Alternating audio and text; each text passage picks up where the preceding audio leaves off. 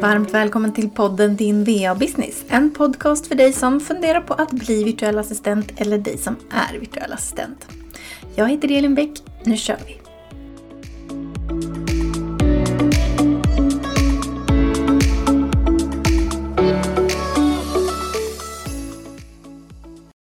Hej och vad roligt att du är här och lyssnar på ännu ett avsnitt.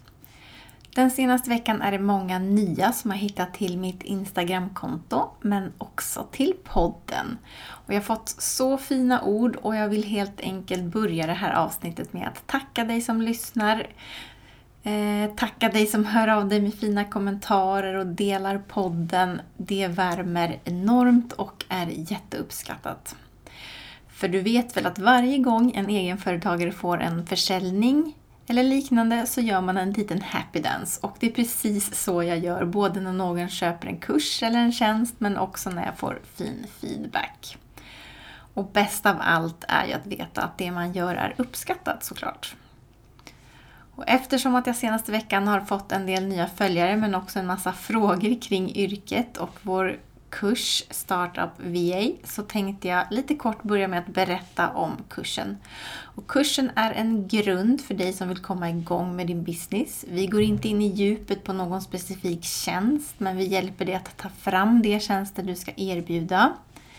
Vi går bland annat igenom din målgrupp, vad du sitter på för kunskaper som kan bli dina tjänster prissättning, målsättning, planering, marknadsföring, hur du bygger din hemsida, skapar din grafiska profil och mycket mer. Och en viktig del vi går igenom på kursen är ditt varför. Och det vill jag grotta ner mig lite mer i i detta avsnitt. För ditt varför är en stor grundsten till varför du vill starta din business. Men också en stor del till att du vågar ta steget. För att är ditt varför riktigt starkt så kommer du att våga. Du kommer att vilja starta. Och ditt varför är något som motiverar dig. Det kan vara något du drömt om. Och nu är det inte tillräckligt starkt att ha ett varför som säger att jag vill driva eget eller för att jag vill jobba hemifrån. Det kan absolut vara en del i det hela, men det är inte ditt varför. Det ska vara något du blir exalterad över. Och du kanske blir exalterad över att kunna lämna och hämta barnen en viss tid varje dag för att kunna spendera mer tid med dem. Eh, och det här är ju någonting vi grottar ner i också ordentligt i kursen och vi har lite övningar där du ska få ta fram ditt varför. Men det är ett väldigt viktig del till att våga ta steget till att starta eget.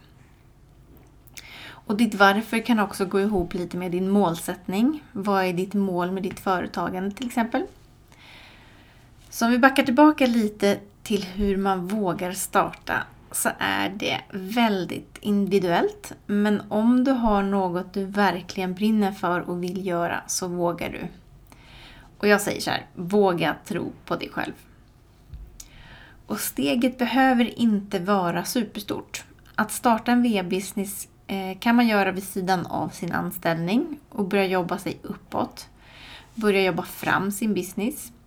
Jag tror att många känner sig lite rädda eh, och inte vågar för att man känner att man ska kasta sig ut och lämna all trygghet man har. Men så behöver det verkligen inte vara. Börja smått och bygg upp. Så gjorde jag och jag vet att många andra i branschen eh, också har gjort på det sättet.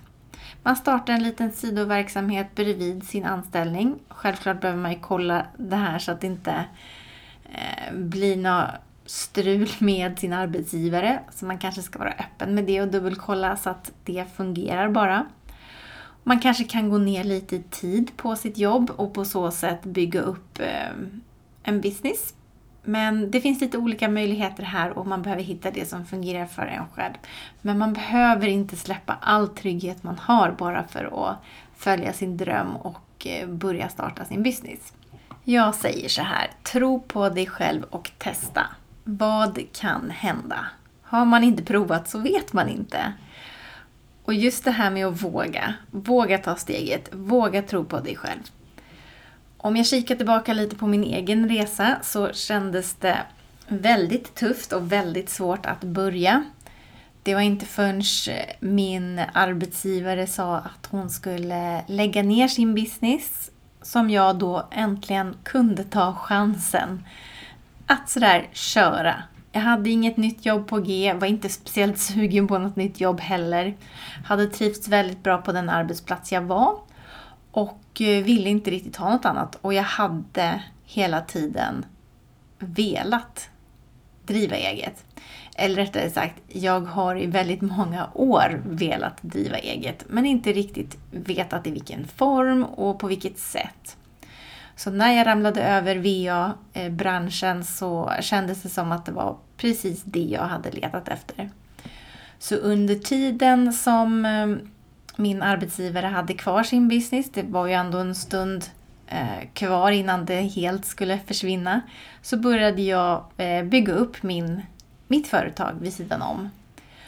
Och sen kunde jag på så sätt när hon la ner eh, ha en bra grund och en bra start. Och på den vägen är det. Så jag har precis gjort som många andra, gått den vägen. Jag har haft en eh, liten sidoverksamhet bredvid min anställning. Och om du känner att det här steget känns jättestort och jättesvårt och jätteläskigt Sätt dig ner och fundera lite på vad är det som gör att det här steget känns så himla läskigt? Vad är det som gör att jag inte vågar ta det här steget? Skriv ner det. Lämna det pappret en stund. Kom tillbaka efter några dagar, kika på pappret igen. Stämmer det här fortfarande? Är det fortfarande så här svårt? Känns det som en omöjlighet? Jag tror att väldigt många har varit i den sitsen som du kanske är i och känner att det känns jätteläskigt, jag vågar inte. Men de har ju lyckats. Provar du inte så kan du inte lyckas. Så med det kommer jag säga igen, tro på dig själv, testa, vad kan hända?